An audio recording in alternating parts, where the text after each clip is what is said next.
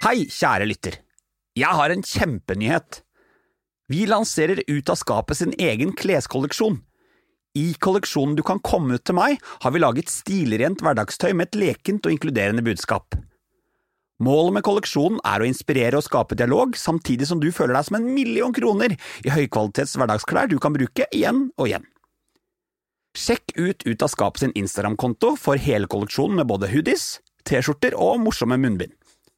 Og du, alt overskudd av denne kolleksjonen går til å produsere den nye sesongen av Ut av skapet, så handler du, da bidrar du, og det setter vi enormt pris på.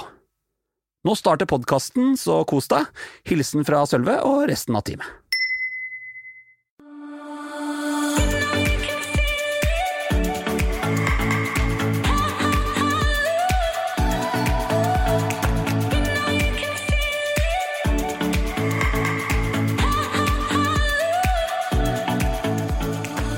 Hei, Ut av skapet-lytter. I dag treffer du Tonje Garvik i podkasten. Første gangen jeg kjente et stikk rundt det, det må ha vært også i barnehagen. Fordi jeg hadde jo en guttekjæreste, og det var selvfølgelig den mest rampete galne gutten i barnehagen. Og så hadde jeg da en jentekjæreste. Og hun var liksom den som fikk meg til å sitte rolig og leke med ting. Og liksom litt, litt annen side av meg, da. Og så husker jeg at jeg skulle kysse henne. Ha det. Jeg skulle dra fra barnehagen. Og da fikk hun en reaksjon i form av at en av de voksne sa æsj, dette der må du gjøre. Du husker Tonje fra Farmen, hvor hun sjarmerte seg inn i hjertet til seerne, og senere vant seg en Farmen-hytte. Tonje forteller om det å både ha gutte- og jentekjæreste i barnehagen. Hun forteller om årene sammen med en sterkt religiøs vertsfamilie i USA, og ikke minst snakker vi om seksualitet. Den flytende seksualiteten. Kos deg med episoden.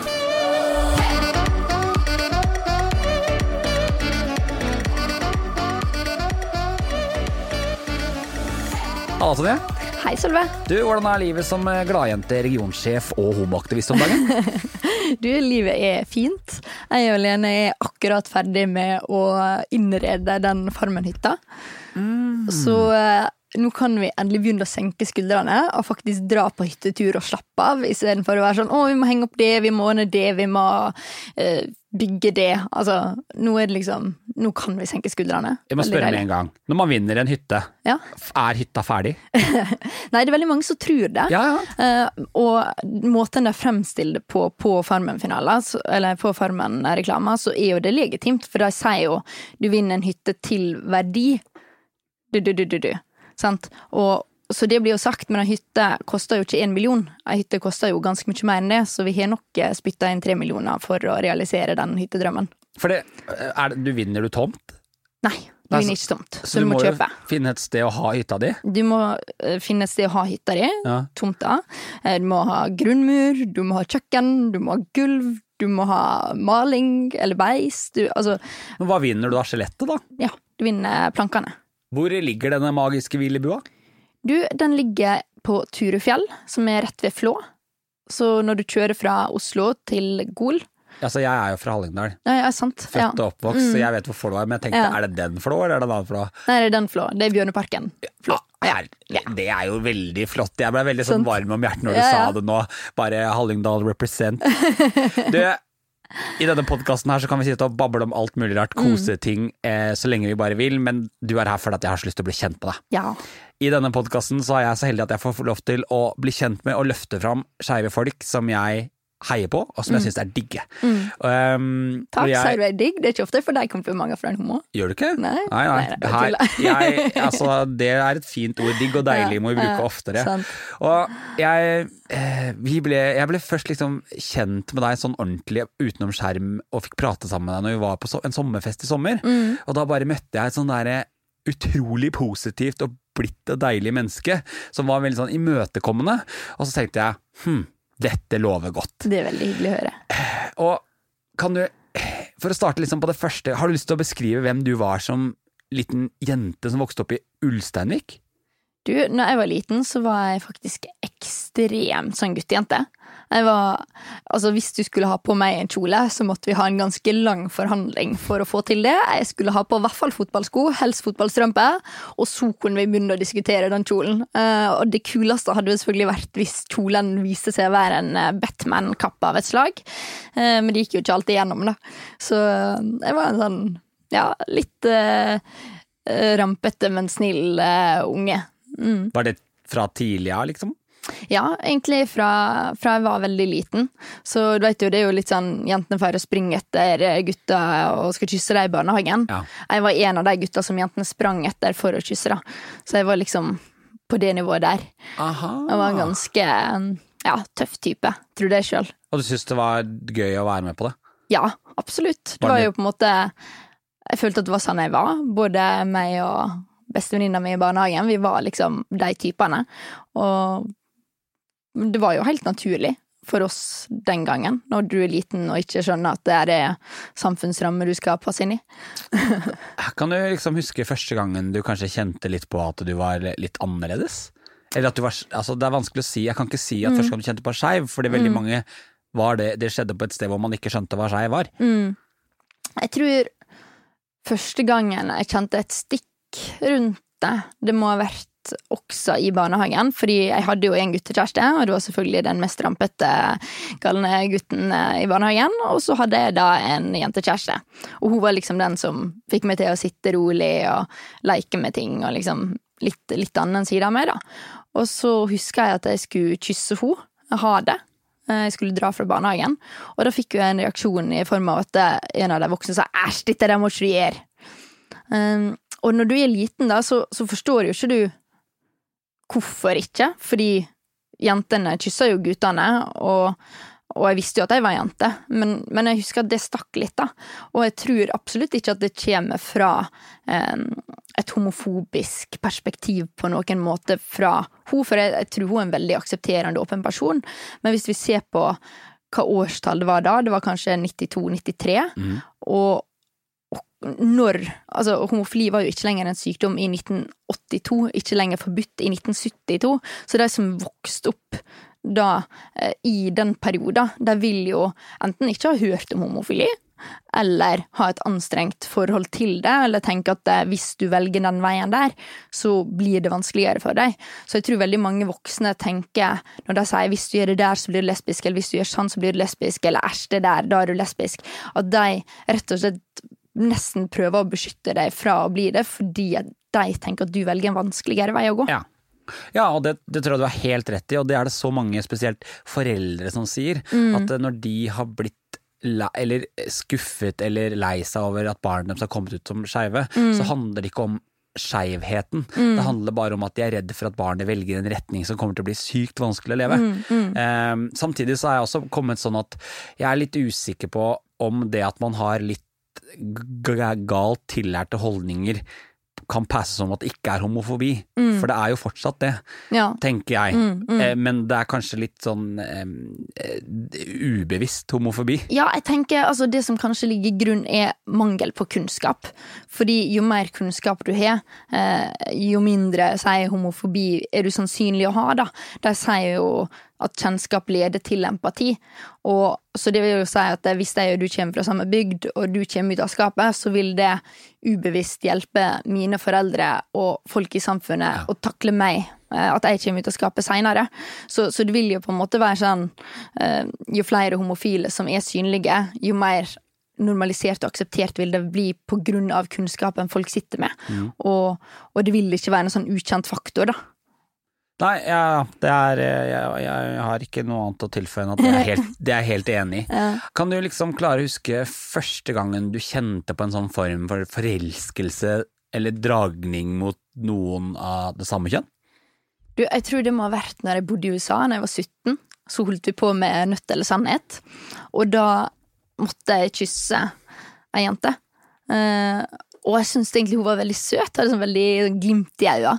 Og så husker jeg at det, det stakk litt sånn ekstra i. Det var en sånn litt spesiell følelse. Og jeg vil ikke si at jeg var forelska, men det var første gangen jeg måtte kjente på at det potensielt kunne være noe jeg kunne bli. Eh, og da hadde jeg vært sammen med en gutt i tre år tidligere, så det var veldig sånn Og det var slutt da, eller? Ja, det var Ja. slutt da. Det ble slutt når jeg reiste til USA. Så um, det var jo litt sånn Jeg tror den internaliserte homofobien og skammen i meg gjorde at jeg, eh, Ja, at jeg ikke kanskje ville innrømme det for meg sjøl, fordi først når jeg var 19, så torde jeg på en måte kjenne på en lik følelse igjen. Men det gikk fortsatt ganske lang tid før jeg kom ut. Men var det første gangen du tenkte tanken om at jeg kanskje er lesbisk? Altså, hadde du spurt meg i barnehagen, så hadde jeg garantert sagt ja. Sant? Ja. Altså, hvis jeg ikke hadde tenkt at det var mye skam rundt det. Um, men altså, for, for da ville jo jeg, altså, hvis jeg skulle valgt, så hadde jeg vært gutt, liksom, i Ja. den alderen der. Fordi det var jo mye kulere å leke krig og leke med gutta og holde på med alt det der enn å leke med Barbie. Jeg syns jo Barbie var ganske kjedelig. Sant? Eh, Så hadde du spurt meg da, så hadde det vært sånn eh, lesbisk, ja, ja, men jeg, jeg, liker, jeg liker å være med gutta og ja, den biten der. Mens eh, sånn, tenkte at jeg kunne være lesbisk, det må vel ha vært da når jeg var 19 og kjente på de følelsene. Da åpna jeg på en måte for at ok, kanskje det her er noe jeg må finne ut av. Eh, Men jeg var veldig utrygg i det å putte en legning på det, fordi det Ja. kunne jo vært bare en sånn Og så hadde du jo akkurat vært sammen med en gutt, men kan jeg spørre om et litt sånn privat spørsmål? Hvordan opplevde du det å være Altså, ungdomstiden er jo veldig sånn det er mye som skjer, eh, og de aller fleste av oss skeive har jo begynt å kjenne på litt sånne skeive følelser som vi kanskje ikke helt skjønte hva var før, ja, tidlig i tenårene. Opplevde du det som rart å være i et forhold med en gutt? Faktisk ikke. Han, han er jo en fantastisk fin gutt, og han er en person som er eh, veldig åpen, og du kan prate om alt mellom himmel og jord. Så veldig mange tenker jo at man, liksom, når man er lesbisk, så kan man ha bedre samtaler enn med en gutt, for at eh, gutter er mer tøffe og den biten der. Men han er den type gutt som er åpen for å prate om det meste. Og noe som gjorde at jeg også har følt en veldig stor trygghet i relasjonen. da. Så mer enn noe så var han en veldig fin eh, partner å ha på den tida, og en som hjalp meg å bli tryggere på meg sjøl, eh, vil jeg egentlig si. Og legninga kan på en måte ikke knyttes til han. Han har vært en del av livet mitt og en viktig del av uh, tenåra, mens uh, følelser for jenter oppsto seinere. Og så tenker jeg at kanskje seksualiteten er litt flytende. Ja. At uh, jeg tror det finnes liksom 100% heterofil, 100% lesbisk, og så har du en gråsone, da. Så, så Og kan den du er stor. ja, den, gråsonen er veldig stor. Og så kanskje han traff eh, de fem prosentene i meg som gjorde at jeg var i stand til å elske han, da. Så ja, eh, og så tror jeg også det sitter mange der ute, det sitter mange straighte der som kanskje har vært sammen med en skeiv, som kjenner på en litt sånn rar følelse at jeg har vært sammen med hun eller han fordi jeg var homo eller lesbisk eller blitt blitt det nå. Men jeg tror de skal vite at de er en ganske stor del av at vi kanskje har funnet ut av hvem vi er. Eh, og de betyr nok eh, på sin måte mye. Eh, jeg syns det er synd at man da sitter og kjenner på en litt sånn skamfølelse at jeg har vært sammen med en som er homo, eller, eller, eller en som er skeiv i dag. Kanskje du heller skal være stolt fordi at du faktisk fikk den personen til å falle for deg, Ja, til det- tross for. Og, og det handler jo ikke om at den personen ble skeiv på grunn av deg. Mm. Det, eh, det, det handler egentlig om at den fikk lov til å utvikle seg til den de egentlig var, fordi, Mm. og du var et godt bidrag. Eh, og det betyr ikke at de årene ikke var verdt noe. Jeg syns det er så fint når du sier det. Mm. Det er liksom, det er ikke alltid jeg hører folk snakker så varmt om den, eh, altså den he heterofile delen av livet sitt. Mm. Eh, og så tror jeg også veldig på dette som du toucher litt innom her, at jeg tror liksom seksualiteten vår og legningen kan være litt flytende på ulike stadier av livet. Mm, Spesielt fram til altså Nå føler jeg jo 30 år, jeg har funnet ut av hvem jeg er litt, Ja, ja. og hvor jeg er I'm a gay, jeg er homo. Mm. Men fram til nå så har det jo vært litt fram og tilbake, og det må jo være greit. Jeg tenker at det må være rom for det, og spesielt si, for oss som, som identifiserer oss som skeive eller lesbiske eller homofile, hvordan man vil si det, så, så tenker jeg at vi har på en måte tatt en Veldig mange i hvert fall tatt en kamp internt eh, om å akseptere oss sjøl. Og så har vi gått til samfunnet og sannsynligvis tatt en kamp der eh, om å bli akseptert som den vi er. Og så tenker jeg da bør ikke vi støtte alle former for eh, kjærlighet mellom voksne mennesker? Altså, bør ikke det være eh, ok for en person eh, som er lesbisk, å finne ut at oi, her er det en mann som jeg er faktisk blitt interessert i.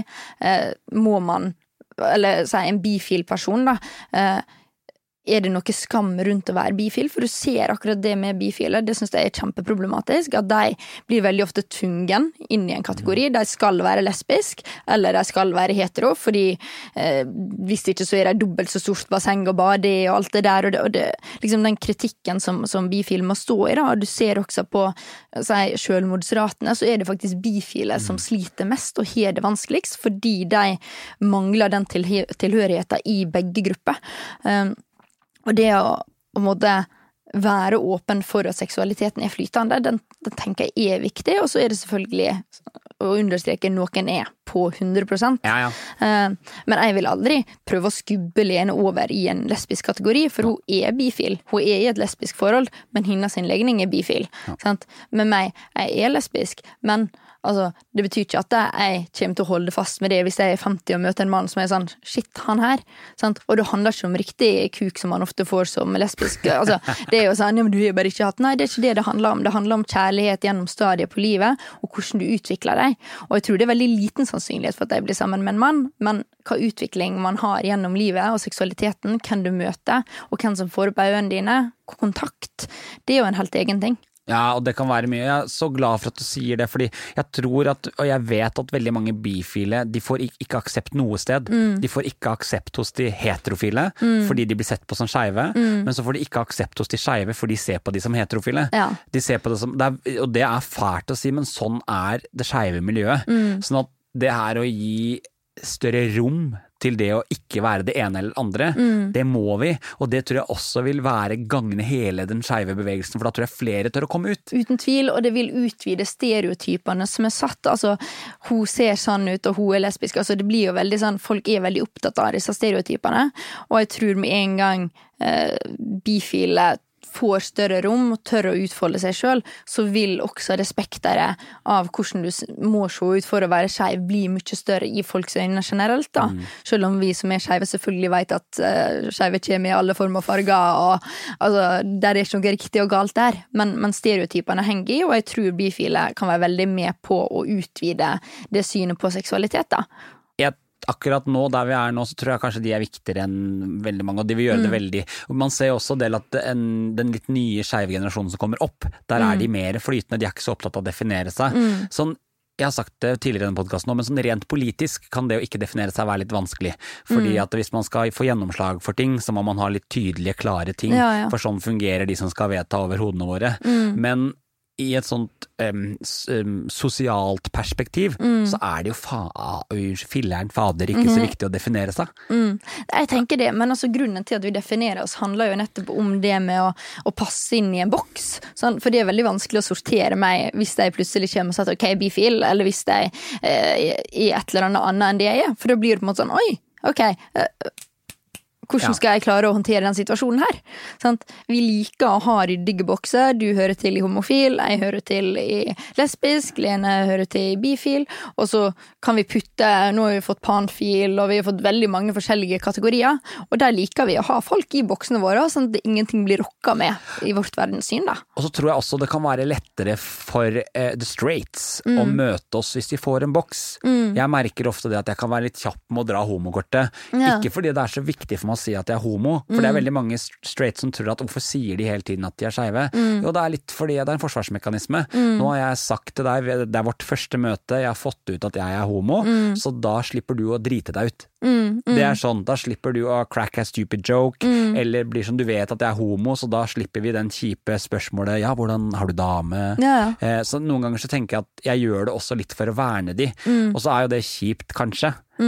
Men samtidig, vi må ta litt hensyn til de rundt oss. Mm. For det er fortsatt sånn at de aller fleste antar at man er hetero. Mm. Det er jo et heteronormativt samfunn vi lever i, og, og det er eh, Altså, de ulike formene for skeivhet er lite synlig i samfunnet, sånn som du, da, som er en relativt maskulin type. Du er muskuløs, du er flott. Altså, du har liksom ikke den der typisk stereotypiske homofile rolla. Og da er det veldig vanskelig for folk å tenke 'hæ, ja, men er han homo?' Ja, men han Nei, nei, men han er jo en, han er jo en sånn mannemann-type. Ja, ja. Sant? Og det er sånn, ja, men eh, en mannemann-type kan jo få lov til å være homofil. Ja. Og det er jo Ja. kjempeviktig at det blir sagt. Ja, det er dritvanskelig, og så er det så viktig å huske det at jeg, var, jeg er blitt mer bevisst på det nå i og med at jeg jobber med sosiale medier, at jeg er nødt til å vise hele spekteret av meg. For det, sant? den beskrivelsen du har der nå, den har jeg vært så god på å legge ut på sosiale medier.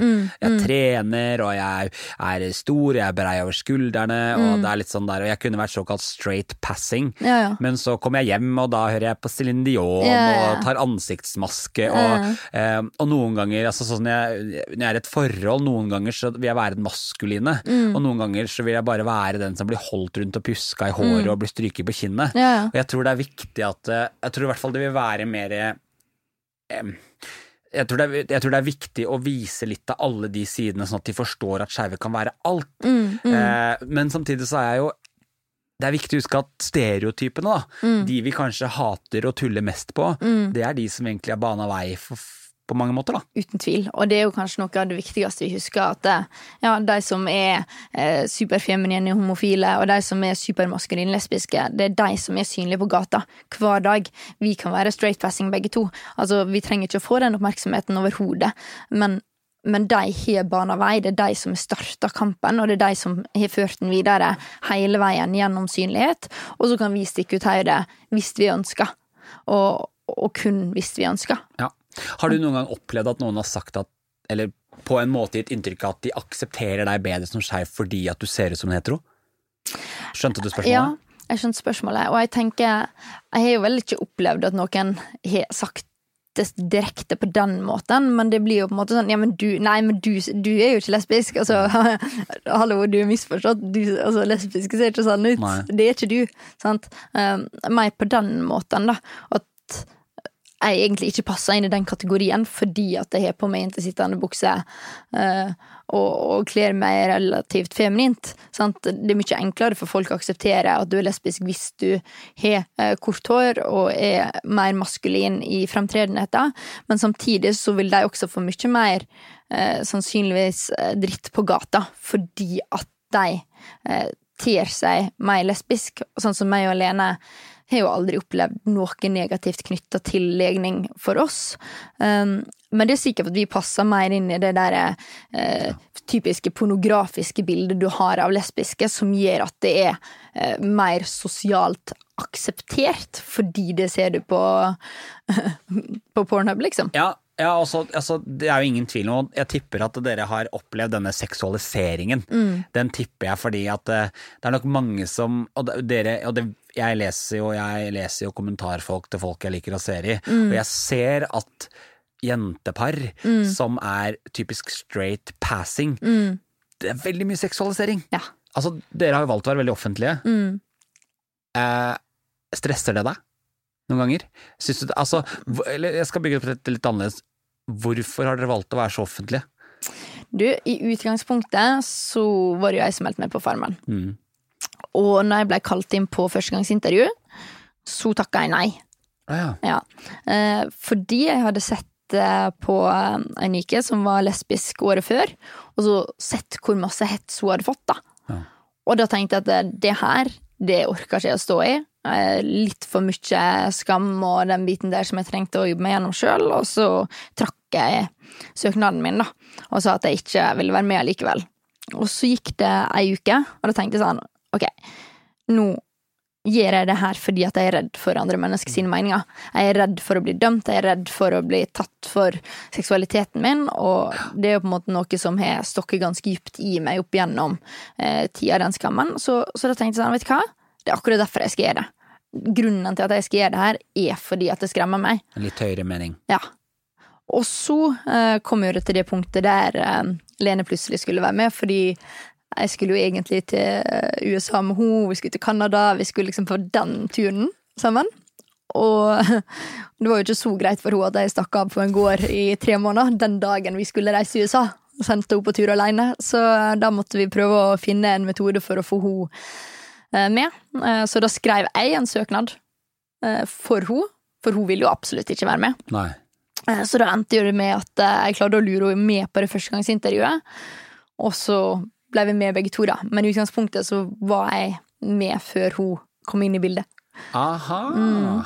Det er, er det sånn det fungerer? Så dette her var en sånn, det var en sånn gi og ta-løsning? Ja, det var egentlig det. Og Lene var ikke akkurat eh, keen på ja, eh, melke ku og spise potet. Hun ville ligge på stranda og drikke piña colada, men eh, ja.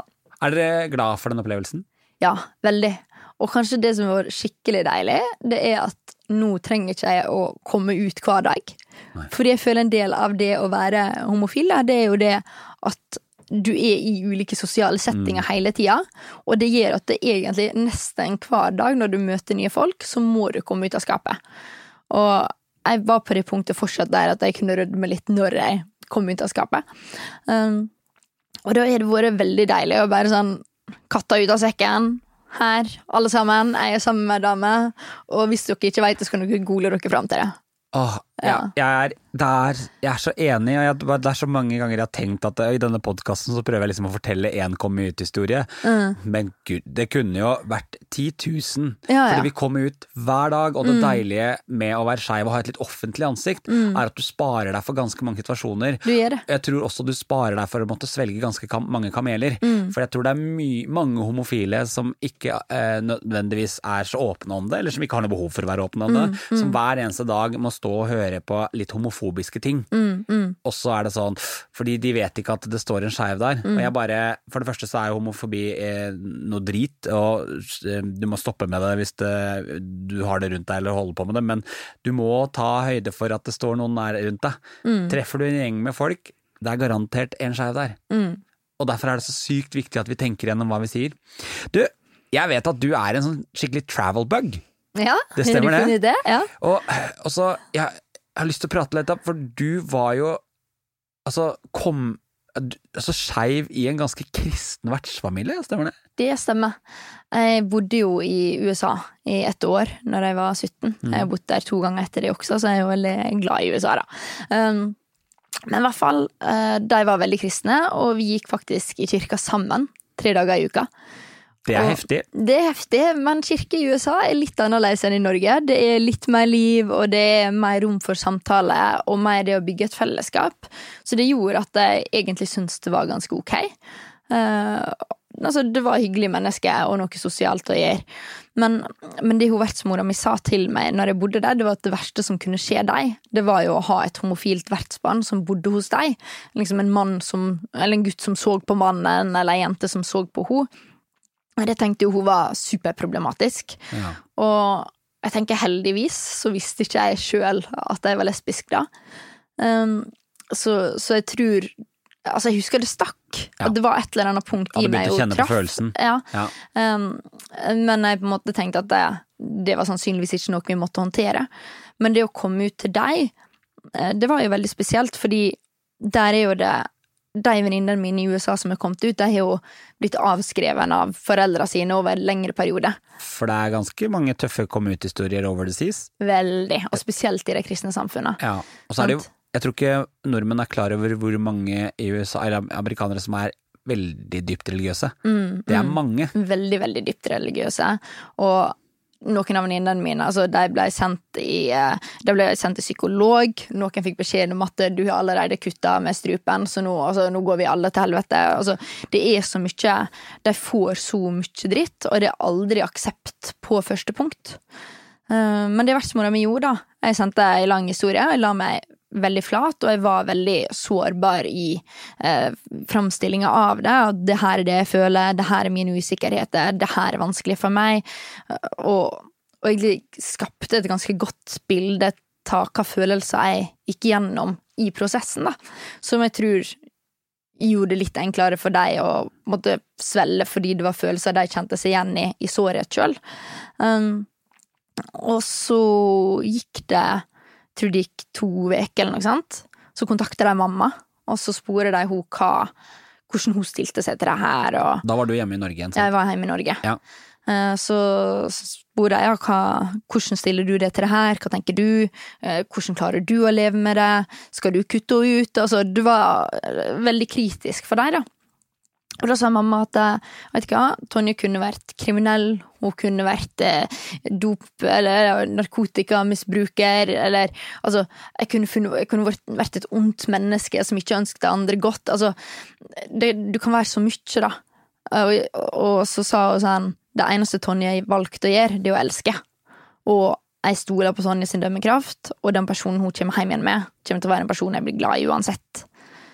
Um, og jeg tror det fikk deg til å tenke litt, da.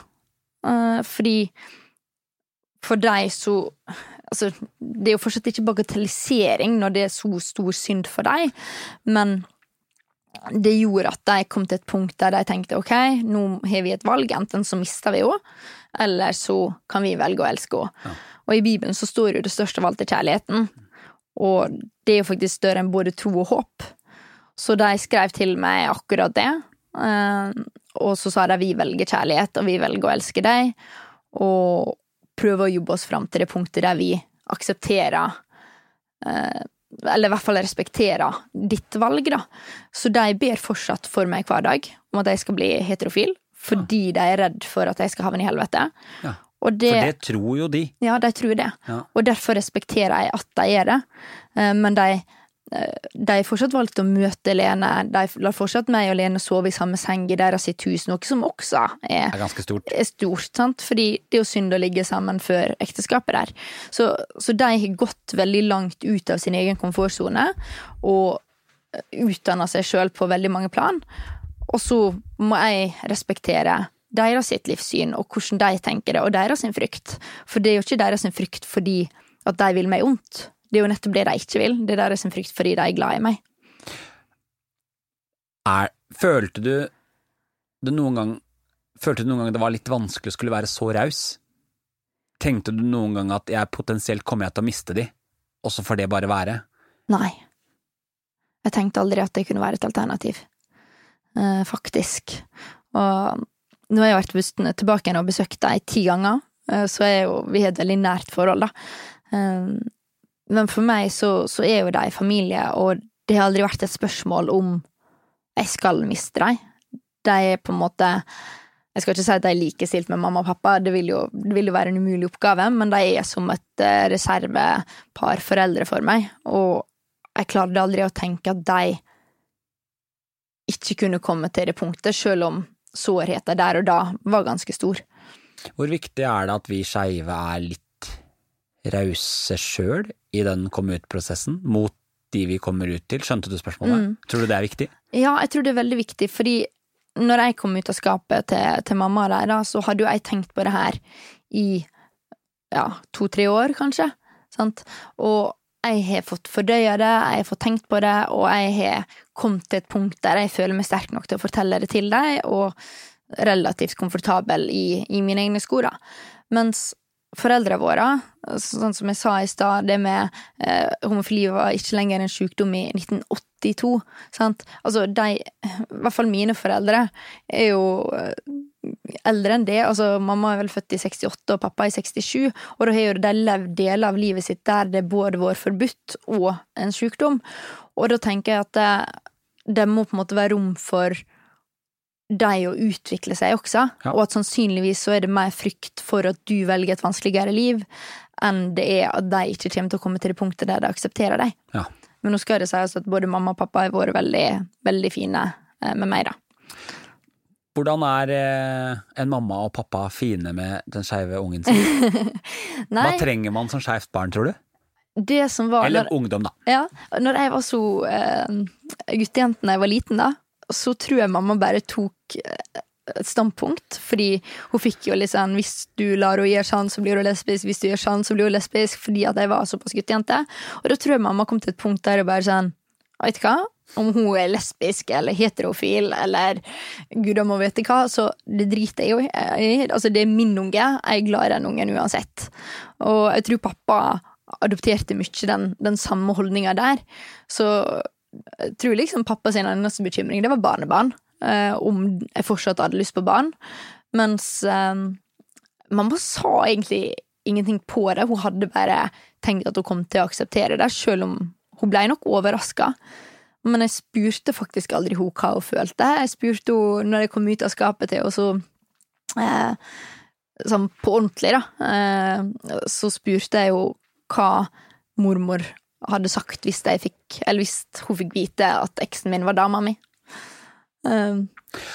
Ja, altså Ja, og det, det er så fint å høre. Og nå, nå skal jeg spørre om noe Ja. eh, som jeg lurer på. Okay. Er det Altså, du er jo i et forhold med en jente. Mm. Eh, og vi har snakket litt grann om stereotyper. Mm. Og jeg ble sittende og snakke med et, eh, et vennepar av meg som, eh, som er i et forhold, som er to jenter, og som har kjent litt på at de sliter litt med det at én må være maskulin og én må være feminin. Mm. Eh, og vi snakket jo litt om det sånn innledningsvis i poden også, men er det en litt sånn struggle at det forventes at man må være enten eller i et jenteforhold?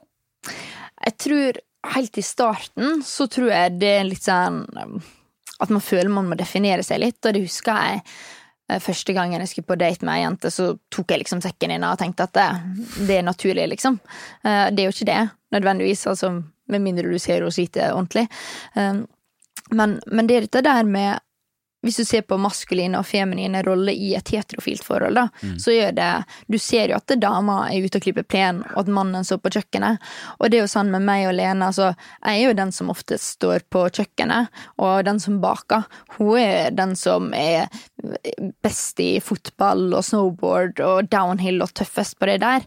Og så er det kanskje jeg som er sterkest og kan ha andre typer maskuline roller, mens hun er på en måte den som liker å sminke seg mest og eh, være en prinsesse. Jeg er ikke så opptatt av det, men, men vi har jo forskjellige eh, roller i et forhold, og med oss så er det ikke sånn at jeg er store skei eller hun er store skei. Det er hva trenger jeg, og hva trenger du? Hun holder rundt meg, jeg holder rundt henne. Det er rom for at begge to skal være sårbare, kunne prate om ting. Og, og jeg er jo kanskje den som er mest um, følsom i form av at jeg tenker mest, filosoferer mest og den biten der, mens hun er mest følsom i at hun uttrykker følelsene sine veldig umiddelbart, da. Ja. Mens jeg trenger litt lengre tid på å tenke og, og komme fram til mine ting. Disse forventningene som ligger på oss skeive om hvem vi skal være og hvordan vi skal være, tror du de kommer utenfra, eller kommer de fra oss sjæl? Jeg tror det kommer fra at vi er vokst opp i et heteronormativt samfunn, der det er en mann og en kvinne i et forhold, og at det da blir en selvfølge at man må ha en av hver. Um, og jeg liker jo veldig godt det der spisepinneeksempelet. da. Litt sånn uh, hvem er kniven og hvem er gaffelen? Sant? Fordi det er jo ikke en mann i et forhold med to kvinner. Og det handler jo bare om å, å finne den rolla i forholdet der en er komfortabel, og, å være åpen om hva man trenger når man trenger det. Fordi det er jo ikke en manns rolle å være den som trøster. Det er jo en kvinnes rolle å trøste mannen, og en manns rolle å trøste dama.